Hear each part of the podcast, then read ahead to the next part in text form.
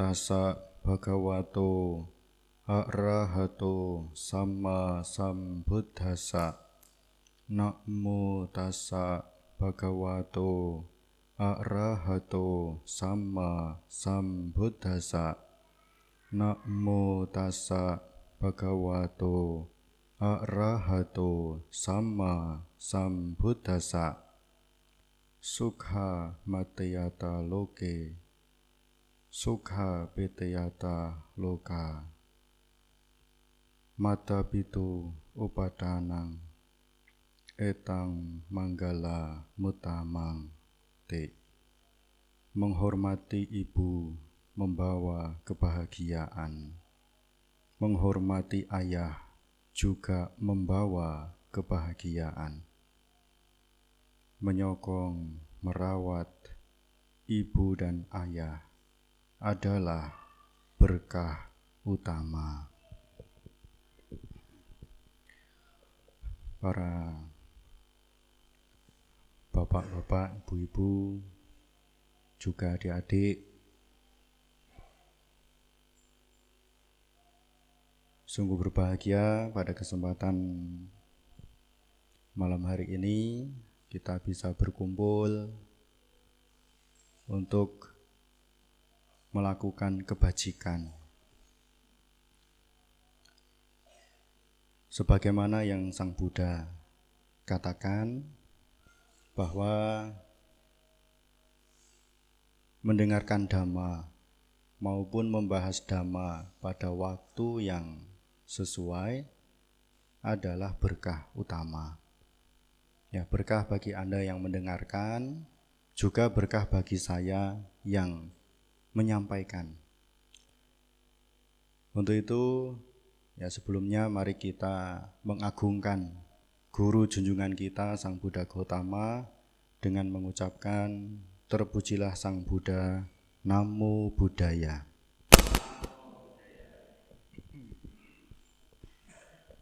Ya, Bapak Ibu, saudara-saudari sekalian, sesuai dengan tema yang sudah disepakati bersama bahwa pada kesempatan hari ini kita akan membahas berkenaan dengan hari ini yang juga merupakan salah satu hari yang spesial. Hari ini ini kan tanggal 22 Desember ada apa toh dengan tanggal 22 Desember itu? Ada apa? Hari Ibu. Nah, di mana-mana sekarang ini podo memperingati Hari Ibu. Nah, suatu ketika ada seorang anak yang bertanya, ada anak bertanya pada ibunya. Tanya, Mboe, Mboe, Ibu, kenapa ya? Kok cuma ada hari ibu aja yo? Ya, ini kan sudah itu toh memang dari dulu itu sudah ada hari ibu, ada peringatan hari ibu setiap 22 Desember. Kenapa yo? Kok ndak ada hari bapak? Ibunya pun menjawab, kamu mau tahu kenapa tidak ada hari bapak? Karena bapakmu tuh jarang di rumah. Jawabnya begitu. Yang ada itu bapak hari. Itu loh, bapaknya hari itu loh tetangga kita. Nah, ada itu bapak hari. Tapi memang hari bapak tidak ada. Yang ada hari ibu. Tapi bagi bapak-bapak tidak perlu ya tidak perlu berkecil hati, nggak perlu bersedih hati ya. Karena sesungguhnya ya ada sejarahnya, ada ceritanya.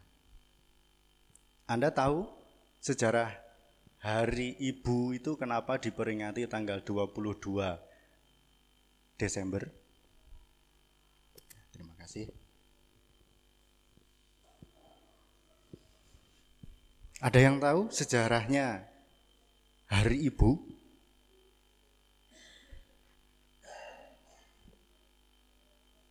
tanggal 22 Desember itu saya pikir ibu-ibu tahu loh. Hah? Kongres? Kongres apa? Oh. Ya. Peringatan Hari Ibu. Nah, itu ceritanya. Ya, sejarahnya itu diawali dari berkumpulnya para pejuang perempuan dari 12 kota di Jawa dan Sumatera pada waktu itu. Nah, mereka mengadakan Kongres Perempuan Indonesia. Para pejuang-pejuang perempuan itu ceritanya mengadakan Kongres Perempuan Indonesia di Yogyakarta. Untuk pertama kalinya itu pada tanggal 22 Desember sampai tanggal 25 Desember tahun 1928. Nah, kemudian disahkannya Hari Ibu Nasional ini ya ceritanya itu disahkan pada tanggal 22 Desember itu pada kongres ketiga 10 tahun kemudian setelah kongres pertama yaitu disahkan pada tanggal 22 Desember tahun 1938 pada kongres ketiga. Yang pada waktu itu hasil dari kongres wanita itu kemudian dikenal sebagai Kowani. Kowani itu Kongres Wanita Indonesia. Nah, bahkan Presiden Soekarno sendiri, ya, presiden pertama, juga menetapkan ya, tanggal 22 Desember itu sebagai Hari Ibu melalui dekrit dekrit Presiden nomor 316 tahun 1959. Ini sekilas tentang Hari Ibu. Yang sesungguhnya ya para pejuang-pejuang para ibu-ibu pada waktu itu untuk memerdekakan Indonesia juga. Tapi tidak lepas dari itu karena peran daripada ibu-ibu ini utamanya adalah dalam hal apa? Ibu-ibu itu Nah, dalam hal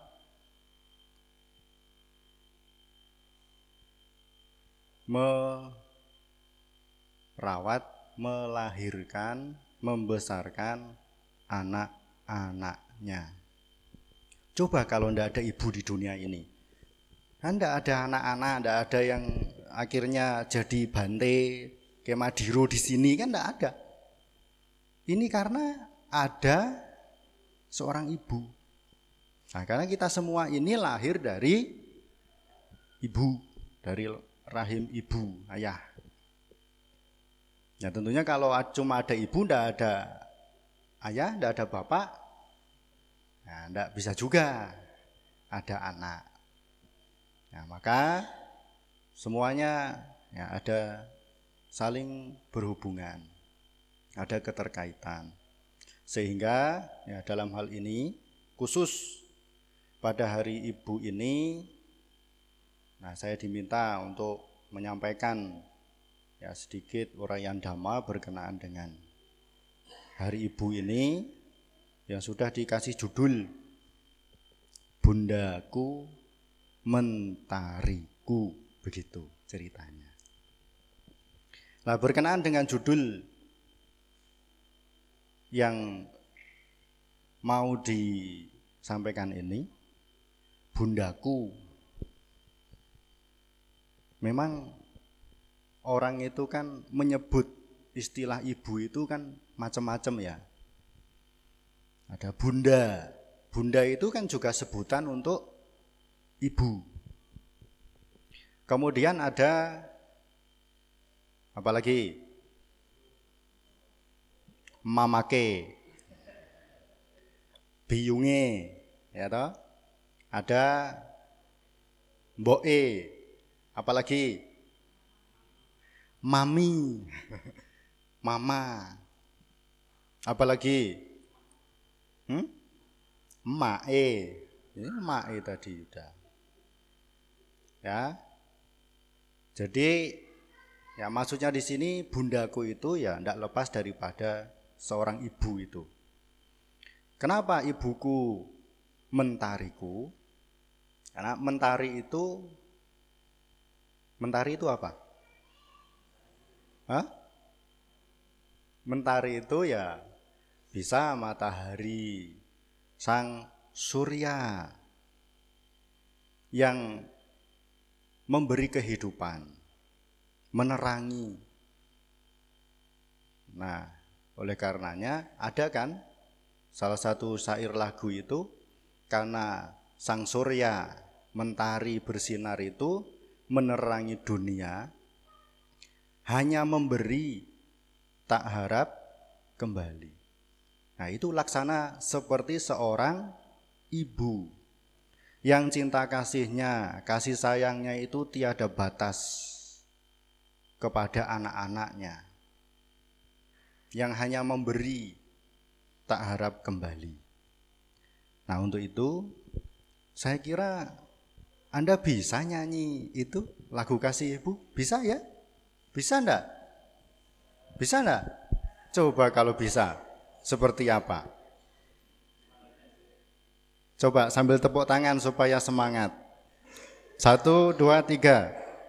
Kasih ibu. Nah. Tak terhingga sepanjang masa.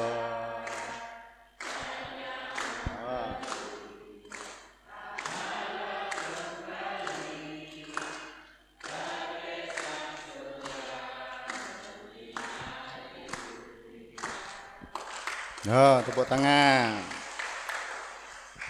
Bagus ya.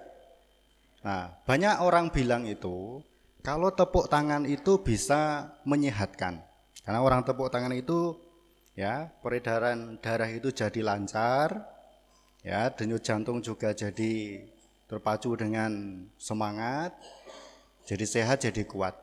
Untuk itu tidak ada salahnya kalau Anda tepuk tangan lagi. Betul nggak? Ya, supaya sehat ini. Ya, baik para Bapak Ibu, darah-dari sekalian. Memang peran seorang ibu di sini sangatlah penting.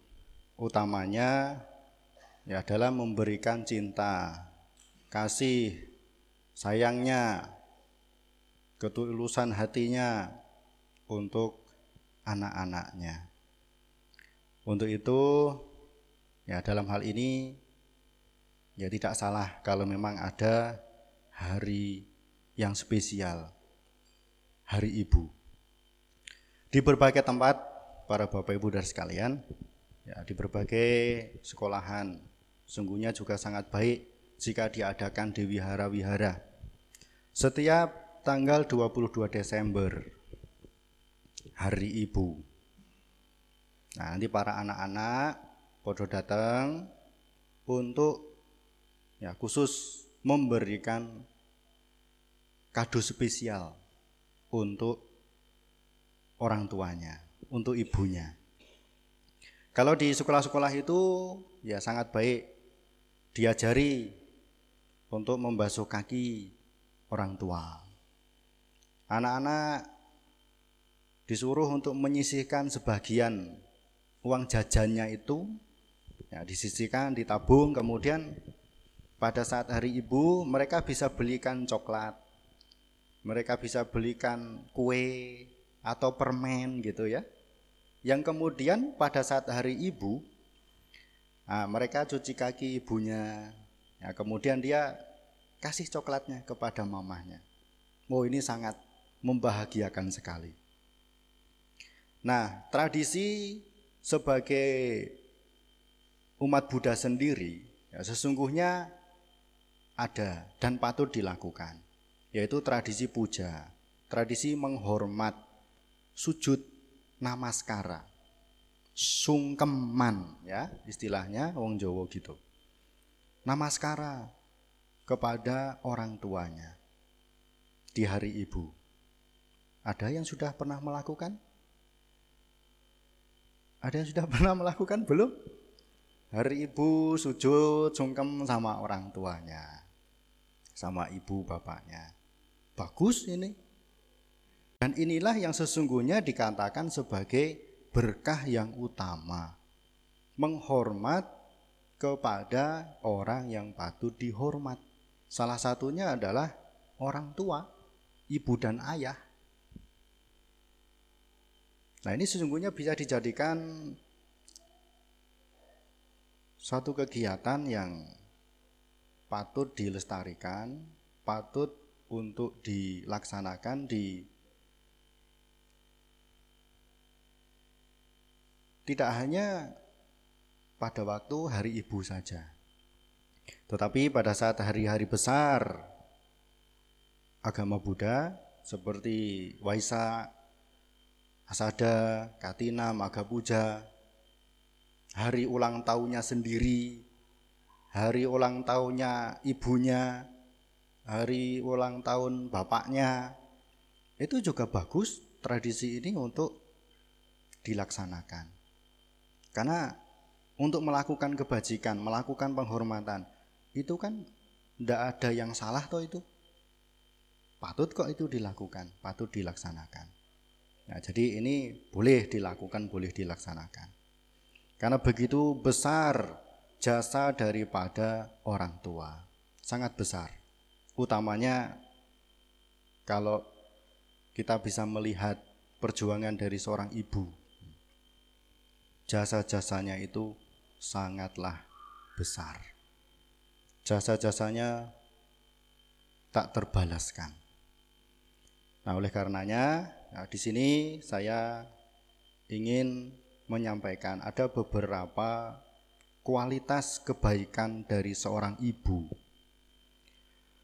Ada sepuluh, sepuluh yang sesungguhnya ya mungkin nanti bisa didiskusikan Sesungguhnya mungkin masih banyak lagi sesungguhnya. Kualitas kebaikan seorang ibu yang sulit dibalas. Kebaikan yang pertama adalah memberikan perlindungan dan perawatan kepada anaknya sejak anaknya itu masih di dalam kandungan. Ingat enggak Anda di dalam kandungan waktu itu? Sembilan bulan toh? Ingat enggak? Tanya sama ibu Anda. Coba. Ini adalah kebaikan yang pertama. Coba kalau ketika dulu Anda di dalam kandungan itu. Enggak dijaga baik-baik, enggak dirawat baik-baik. Seorang ibu betul-betul harus hati-hati makan juga harus hati-hati. Tidak boleh makan sambal banyak-banyak, ya toh? Tidak boleh yang macam-macam, apalagi sampai main bola, voli. Nah. Coba kalau ibu anda dulu pas anda di dalam kandungan itu ya, tidurnya saja salah, tidurnya malah tengkurap misalnya gitu ya. Wah, anda nggak jadi lahir loh. Ini kebaikan menjaga merawat kita ketika di dalam kandungan. Seorang ibu mengandung itu susah loh. Saya sih nggak pernah ngandung, tapi bisa dibayangkan loh ya. Mau bergerak apa saja itu jadinya susah. Dan itu kan ya menderita sekali toh itu sampai bawa kandungannya anaknya itu besar begitu ya nah oleh karenanya dalam hal ini merupakan salah satu kualitas kebaikan yang pertama kepada anak-anaknya sejak di dalam kandungan Ini kualitas kebaikan yang pertama. Kemudian kualitas kebaikan yang kedua dari seorang ibu, seorang wanita yang luar biasa adalah ketika melahirkan anak-anaknya.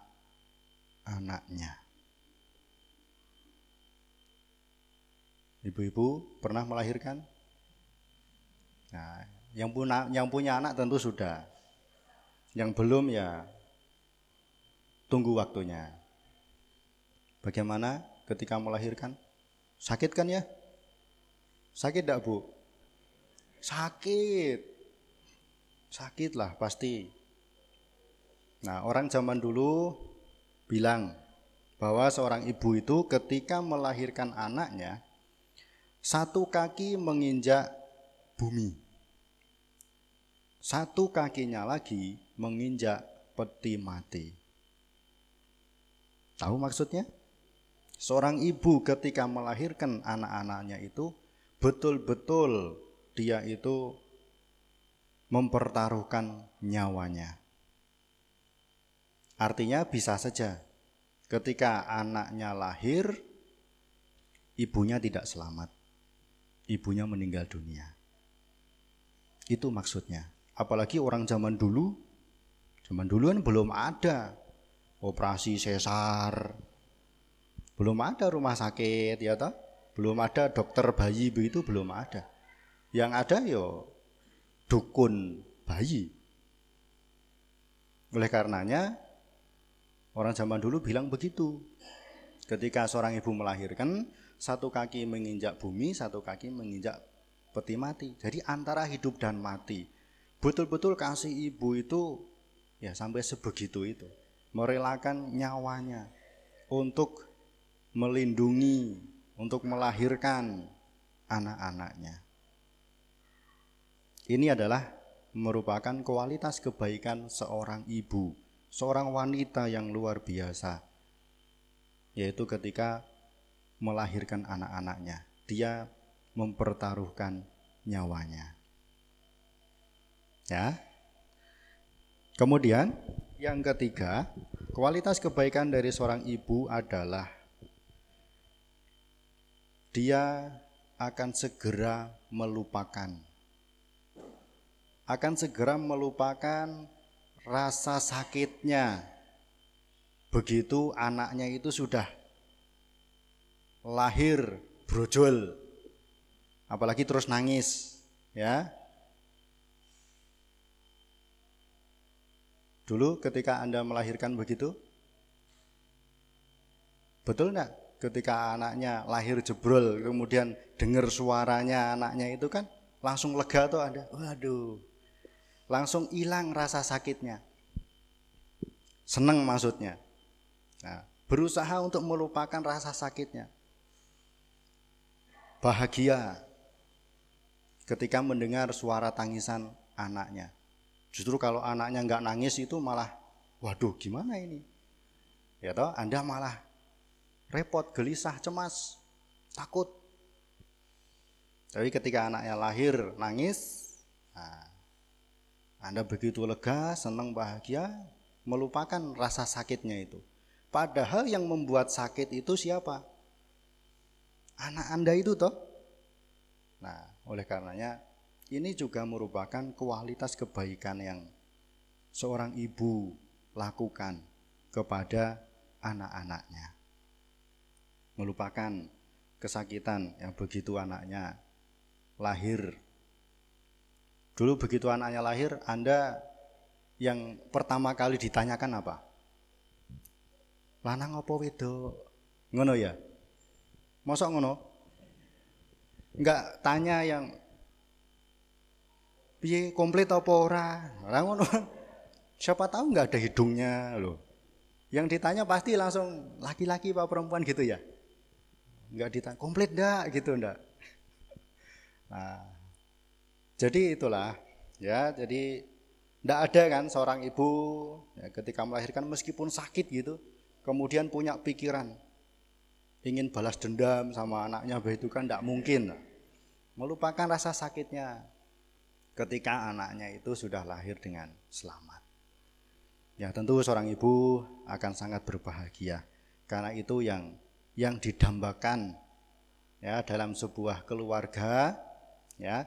Kedatangan orang ketiga itu kan diharap-harap toh itu. Nah, kedatangan orang ketiga itu bukan pil atau will maksudnya. Saya itu bukan ya, bukan pria idaman lain atau wanita idaman lain. Oh, itu bisa bahaya. Tapi adalah hadirnya seorang anak. Karena ketika menikah, hidup berkeluarga, tidak punya anak ya susah.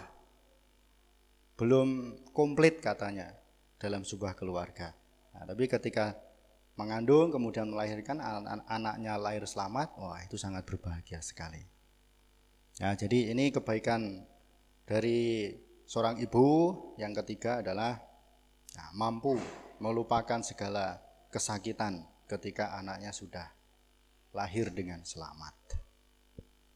Kemudian kualitas kebaikan yang selanjutnya yang keempat dari seorang ibu adalah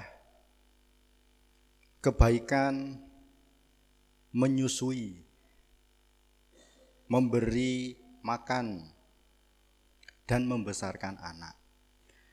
Ya, ibu-ibu kalau ketika anaknya lahir begitu kan langsung dikasih ASI tuh ya. Enggak dikasih asem. Nah, kalau asem itu kan air susu emak. Ya toh? Nah, dikasih ASI. Air susu ibu. Dikasih ASI.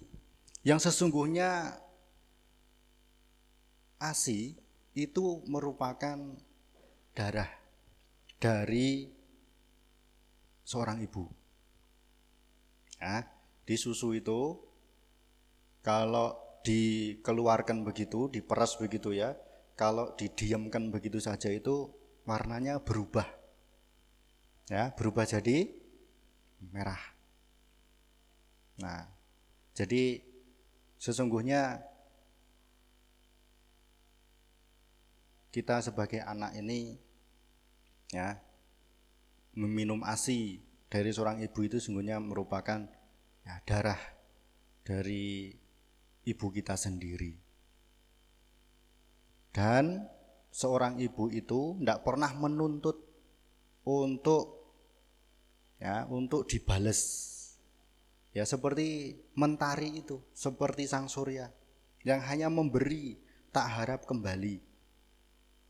Oleh karenanya ketika menyusui anaknya itu tidak ada kata-kata sama anaknya itu ketika menyusui anaknya kemudian anaknya ditagih nanti kalau kamu sudah besar awas ya diancam begitu ya. Sambil nyusui anaknya awas kalau kamu sudah besar nanti ora gemati ora eling karo kebaikane wong tua malah maneni malah nyusahki wong tua ngerti apa susu ke larang. Nah, ndak ndak mungkin begitu. Sambil nyusui anaknya begitu kan ndak tahu ya? Nah, ngasih susu ya ngasih aja. Dah. Tanpa mengharap hanya memberi. Itulah kasih seorang ibu. Nah, kebaikan dari seorang ibu. Membesarkan merawat anak-anaknya. Ya Kemudian yang selanjutnya lagi, kebaikan dari seorang ibu, seorang wanita yang luar biasa adalah kebaikan memakan yang pahit untuk dirinya sendiri dan menyisihkan yang manis untuk anak-anaknya. Betul begitu ya Bu ya? Kalau apa saja ada makanan ada apa begitu pasti yang enak-enak yang manis-manis itu es gua anake. Anaknya itu pasti selalu didahulukan. Gue sing ora enak ora enak sing sing pahit begitu untuk dirinya sendiri. Inilah kualitas kebaikan dari seorang ibu seorang wanita yang luar biasa. Ya kemudian lebih lanjut Kebaikan dari seorang ibu adalah ya, kebaikan memindahkan anaknya ke tempat yang kering dan membiarkan dirinya sendiri di tempat yang basah. Ingat enggak Pak Bu, dulu waktu Anda kecil, waktu masih ngompol itu, Basah itu dingin. Maka ibu itu langsung memindahkan anaknya di tempat yang kering. Ya, kemudian ibunya rela. Rela kedinginan tidur di tempat yang basah. Ya, demi anak-anaknya. Digendong ke sana kemari. Dipeluknya anaknya. Itulah kebaikan-kebaikan dari seorang ibu. Ya, kemudian lebih lanjut lagi kebaikan dari seorang ibu adalah kebaikan membersihkan yang kotor-kotor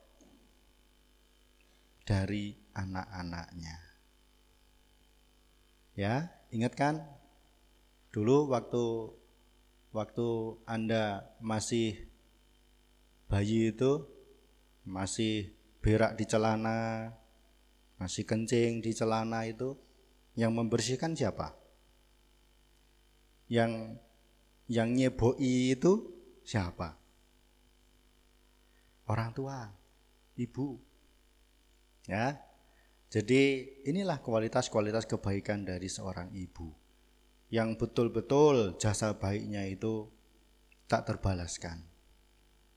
Ya, kemudian masih ada lagi kebaikan dari seorang ibu adalah ya kebaikan senantiasa memikirkan anak-anaknya bila anaknya itu pergi jauh. Nah, kalau anak-anaknya udah gede gitu ya, pergi jauh misalnya sekolah, pergi jauh ke rumah teman, tidak pulang-pulang, selalu dipikir ke. Apalagi kalau sampai anaknya mungkin sekolah, kuliah di kota lain, harus pisah dari orang tuanya, atau mungkin sedang berlibur, pergi ke luar kota, dan lain sebagainya. Selalu dipikirkan. Siang sampai malam, ya, orang tua itu selalu memikirkan keadaan anak-anaknya. Bagaimana ya anakku di sana dapat tempat tidur yang nyaman tidak, dapat selimut yang bagus tidak, anget tidak, nah, selalu memikirkan anak-anaknya. Terlebih lagi kalau anak-anaknya sakit. Mendengar kabar anaknya sakit saja, wah orang tua itu susah loh. Orang tua ikut susah. Yang kemudian bahkan sampai rela orang tua, seorang ibu itu rela Wis saya mau menggantikan rasa sakitmu. Yang penting kamu itu, anaknya itu sehat. Rela menggantikan anaknya yang sedang sakit. Itu kualitas kebaikan dari seorang ibu. Ya. Oleh karenanya apalagi ini ya, para mahasiswa-mahasiswa ini anak-anak sekolah ini yang memang jauh dari orang tua harus jaga kesehatan. Ya, jaga kesehatan. Menjaga kesehatan itu juga merupakan hal yang baik. Itu membalas jasa orang tua karena orang tua nanti nggak bakal kepikiran. Ketika ditelepon, wah baik, sehat, aman, bahagia di sini. Lain kalau ditelepon, wah saya sakit mah. Nah, nanti orang tua kepikiran. Nah, jadi harus jaga kesehatan, ya, makan yang banyak, makan vitamin yang banyak supaya sehat. Tuh. Nah, kemudian kebaikan dari seorang ibu yang lebih lanjut lagi adalah kebaikan kasih dan pengabdian yang mendalam. Ya, artinya sebagai seorang ibu, ya sebagai orang tua, ibu dan juga ayah. Dia rela bekerja keras, siang dibuat malam, malam dibuat siang begitu ya. Diibaratkan begitu. Jadi dino-dino kerja, rino wengi, kerja keras, banting tulang, sampai patah tulang juga. Mereka bekerja untuk siapa? Membahagiakan anak-anaknya. Ini pengabdiannya, kasihnya, sebagai orang tua itu sampai sedemikian rupa. Selalu ingin memberikan yang terbaik bagi anak-anaknya. Dan sebagai yang terakhir di sini, sepuluh kebaikan dari seorang ibu, seorang wanita yang luar biasa adalah kebaikan welas asih dan rasa simpati yang tinggi. Artinya simpati itu turut bahagia atau apalagi melihat anaknya berbahagia. Nah, Orang zaman dulu juga bilang bahwa kebahagiaan seorang ibu dan ayah, kebaik, kebahagiaan orang tua itu adalah ketika melihat anak-anaknya bahagia. Tetapi ketika melihat anak-anaknya ini susah, sakit, menderita, sudah pasti orang tua itu juga menjadi susah. Nah, oleh karenanya Kebaikan dari welas asih dan juga simpati yang tinggi ini biasanya ditunjukkan oleh orang tua, yaitu ketika anak-anaknya itu sudah besar, sudah dewasa, yang kemudian anak-anaknya itu menikah. Menikah, punya pasangan hidup, berkeluarga. Nah, orang tua itu sungguh-sungguh ikut berbahagia. Bahkan kebaikan, kasih, pengabdian dari seorang ibu dan ayah itu meskipun anak-anaknya itu sudah berkeluarga. Bahkan anaknya itu sudah punya anak. Artinya sudah punya cucu. Bahkan sampai anaknya anaknya ini cucunya ini sudah menikah kemudian punya anak punya buyut gitu ya Nah, sampai anaknya itu sudah tua, sama-sama punya putu begitu, punya cucu. Kebaikan, kasih, pengabdian seorang ibu, ayah, orang tua itu tetap masih ada. Bahkan sampai mau meninggal pun juga sesungguhnya masih tetap ingat sama anak-anaknya. Hati-hati ya nak. Nah, selalu mendoakan anak-anaknya supaya tetap terus sehat berbahagia menjalani hidup sampai meninggal. Nah, kebaikan kasih seorang ibu dan juga ayah itu sampai tua, sampai mau meninggal.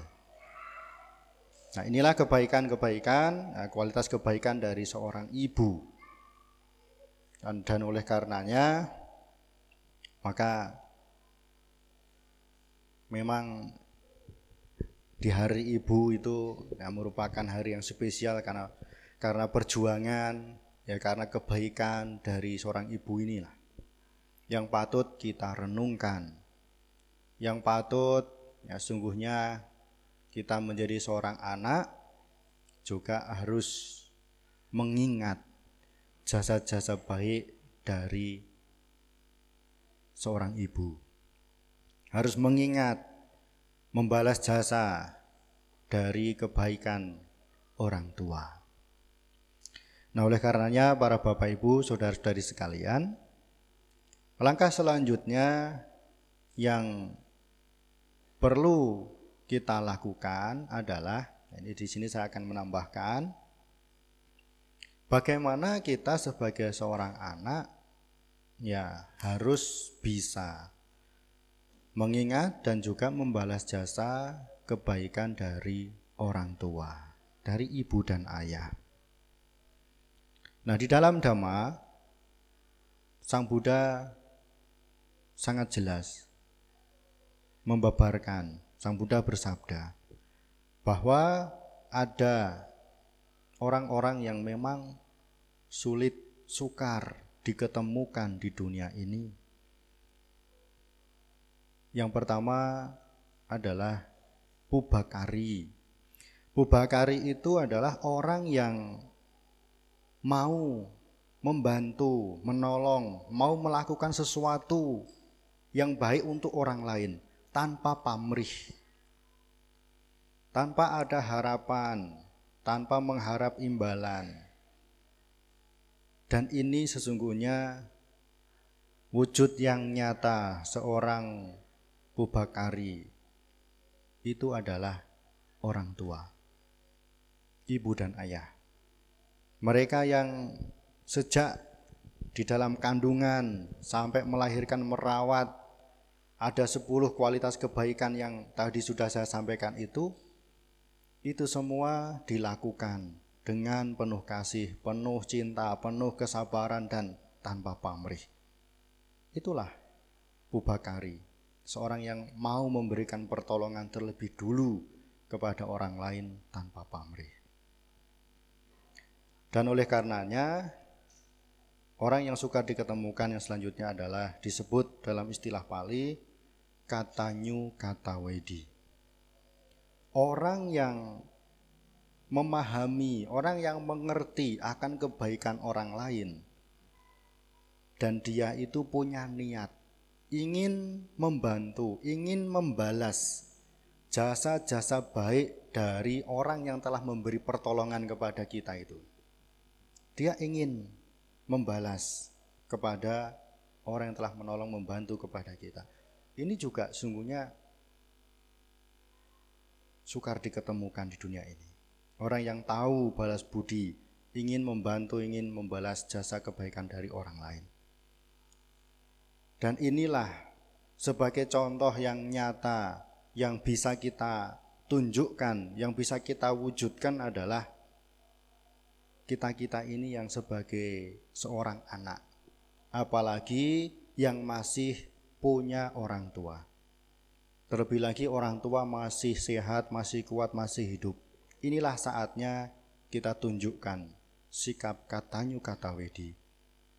Mengingat jasa baik orang tua dan ingin membalas jasa kebaikan dari mereka. Nah, bagaimana caranya, Bante? untuk membalas jasa kepada orang tua. Bisa kita tunjukkan, bisa kita lakukan.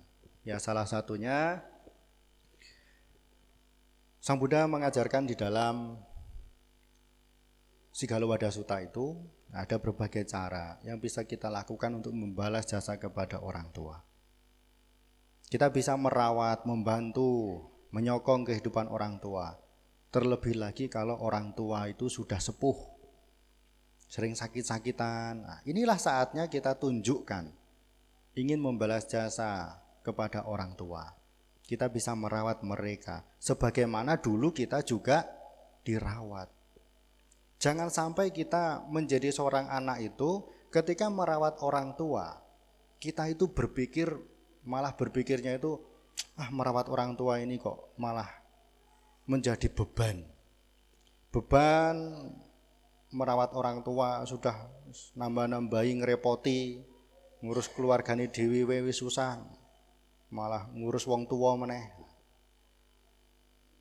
dan tidak sedikit orang-orang itu juga ya karena merasa mampu merasa punya banyak harta kemudian menitipkan orang tuanya di panti jompo ingat enggak Anda ketika lahir dulu masih bayi Kan tidak dititipkan loh di panti bayi.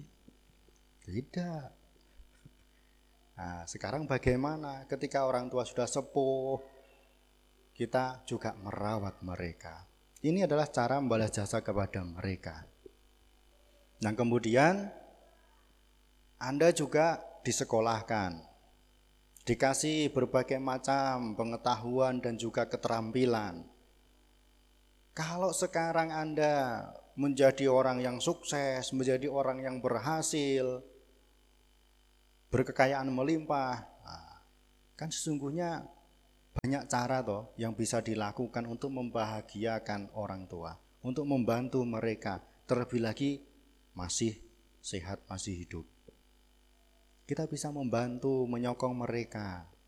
Paling tidak di ke bubur ayam gitu loh dikasih makanan yang enak, dibelikan apa itu pisahut, tuh, dibelikan apa Kentucky, McDonald begitu kan bagus toh itu.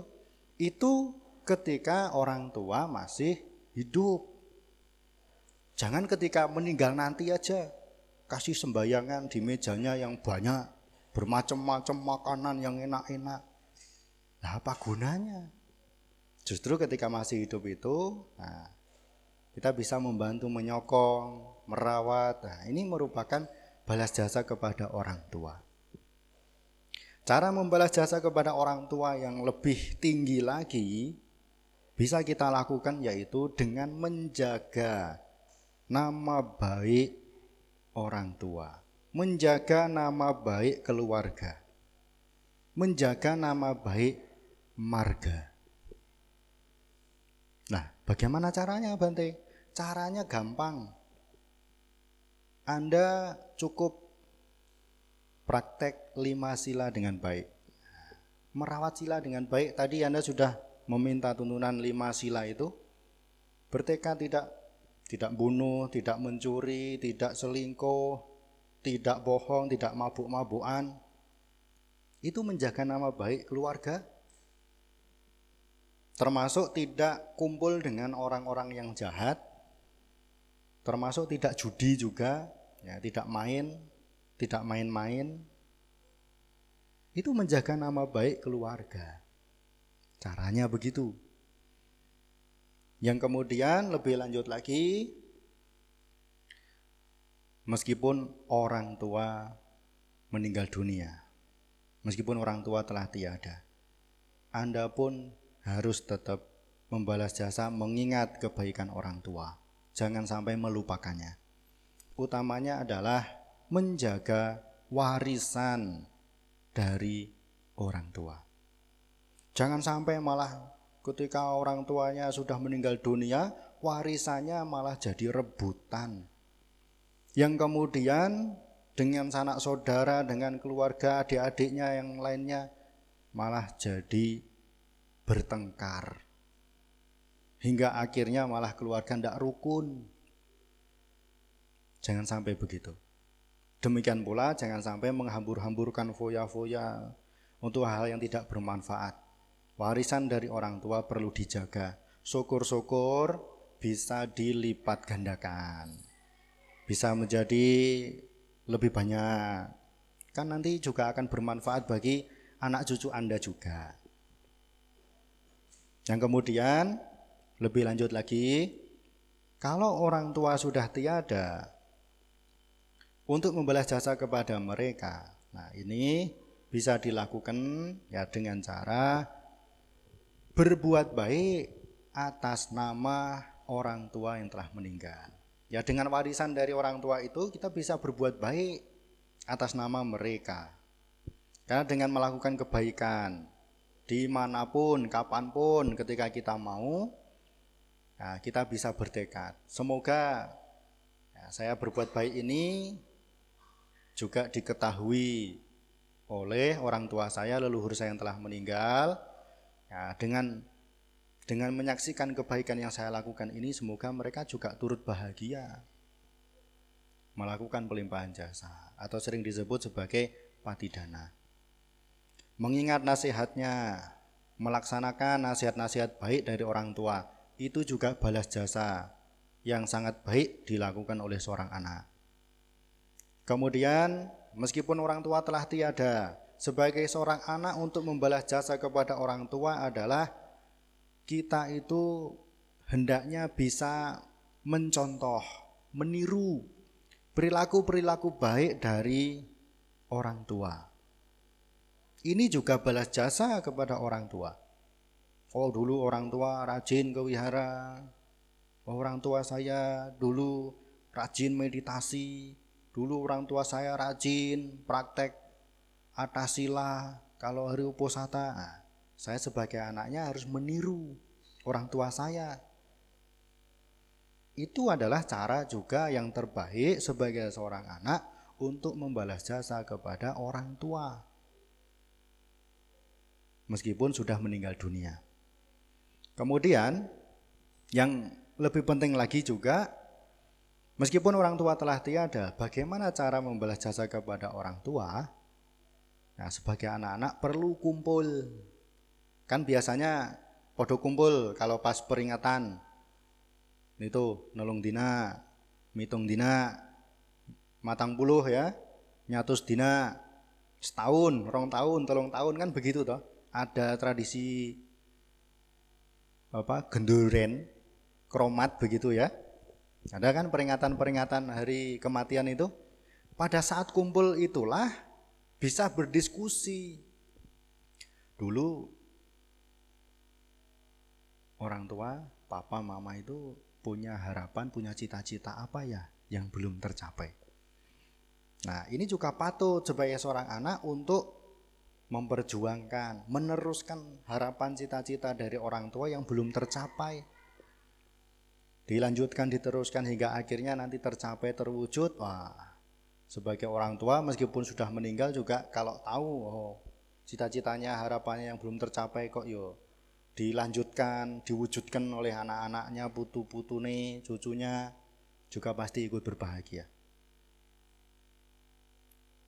Dan yang lebih penting lagi juga untuk membalas jasa kepada orang tua. Jika memang orang tua telah tiada adalah Anda patut untuk terus menjaga kerukunan, keharmonisan, kebersamaan di dalam anggota keluarga dengan saudara-saudara, dengan kakak, dengan adik, patut untuk menjaga kerukunan. Karena dengan demikian, ya, anak-anak putu-putune cucunya cicitnya nah kok yo rukun-rukun. Tentu sebagai orang tua yang sudah meninggal dunia akan ikut berbahagia ketika melihat anak cucunya itu juga hidupnya rukun. Saya kira begitu. Nah oleh karenanya para bapak ibu saudara-saudari sekalian dalam hal ini khusus di hari ibu ini kita bisa merenungkan kualitas-kualitas kebaikan dari seorang ibu, yaitu seorang Pubakari, seorang yang luar biasa, memberikan kehidupan bagi anak-anaknya, kebaikan-kebaikan dari orang tua jangan sampai dilupakan begitu saja. Walaupun orang tua telah meninggal dunia, kita tetap patut untuk mengingat jasa kebaikan orang tua. Dan apa yang saya sampaikan tadi berkenaan dengan membalas jasa kepada orang tua meskipun masih hidup dan juga ya meskipun telah meninggal dunia kita juga patut untuk membalas jasa kepada orang tua. Nah, ini yang bisa disampaikan semoga bermanfaat bagi kita semua, bagi Anda sekalian. Dan akhirnya ini nanti bisa diwujudkan ya sebagai wujud cinta, wujud bakti, wujud hormat kepada orang tua. Ya, nanti bisa diwujudkan dengan cara melakukan membasuh kaki orang tua, sujud sungkem namaskara kepada orang tua. Ya, mari kita menjadi anak yang baik, anak yang berbakti, kepada orang tua hidup dan mati. Karena apa? Karena orang tua, ibu dan ayah adalah jalan menuju surga bagi anak-anaknya yang baik. Demikian pula sebaliknya, orang tua, ibu dan ayah akan menjadi jalan menuju alam sengsara bagi anak-anak yang durhaka, bagi anak-anak yang tidak baik kepada orang tuanya. Terima kasih atas perhatiannya. Akhir kata, semoga semua makhluk hidup berbahagia. Sabi sata bawantu sugitata.